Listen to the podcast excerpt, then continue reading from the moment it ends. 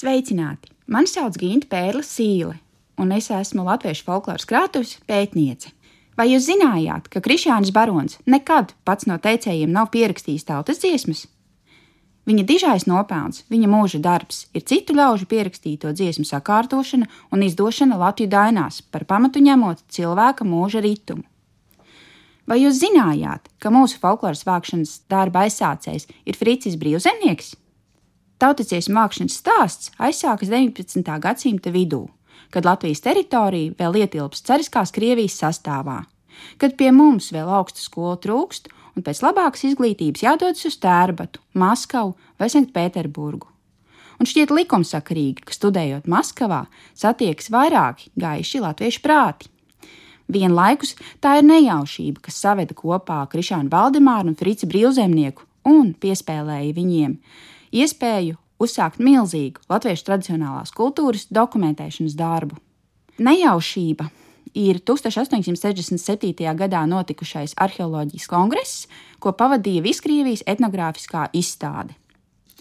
Šie pasākumi bija veltīti Krievijas impērijā dzīvojošajām tautām, un par biļetēm iegūto naudu nolēma novirzīt tālākai šo tautu kultūru dokumentēšanai un izpētēji un mēs varam tikai nojaust Friča brīvzemnieka, bet jo īpaši Krišāņa Valdemāra ietekmi, sakaru nozīmi, viņu uzdrošināšanos un pārliecināšanas spēju, kad mēs redzam, ka no visiem piešķirtajiem līdzekļiem vairāk kā puse, uzsveru puse, tika novirzīta latviešu kultūras pētīšanai. Piešķirtais finansējums ļāva organizēt divas ekspedīcijas 1869. un 70. gadā un šim darbam par atbilstošāko tiek atzīts Fricis Brīvzemnieks, kas Maskavas dabas zinātņu, antropoloģijas un etnogrāfijas biedrības priekšlasījumos sevi jau bija pierādījis kā cītīgs, zinošs un skrupulosos pētnieks ar milzīgu un neizsīkstošu interesi par latviešu tautas kultūru. Ekspedīcijās Fricis Brīvzemnieks apceļoja visu Latviju, vācot tautas dziesmas, pasakas, teikas, buramvārdus, mīklas, un paveiktais vērtējams divos aspektos Pirmais. Fricis Brīvzemnieks publicēja pirmos pasaku, teiku, buramvārdu krājumus, un var teikt, ka šie darbi ir pirmie zinātniskie krājumi. Tādējādi Fricis Brīvzemnieks ir latviešu folkloristikas nodibinātājs, jeb pamatlicējs.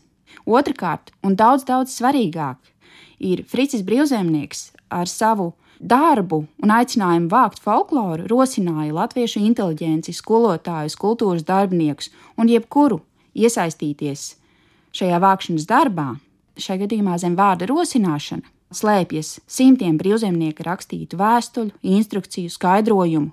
Milzīgs individuālais darbs ar vākšanā iesaistītajiem cilvēkiem, kas mijās arī ar pašu gatavotām publikācijām un aicinājumiem presē, uzstāšanās dažādu grupiņu sanākšanās un tam līdzīgi.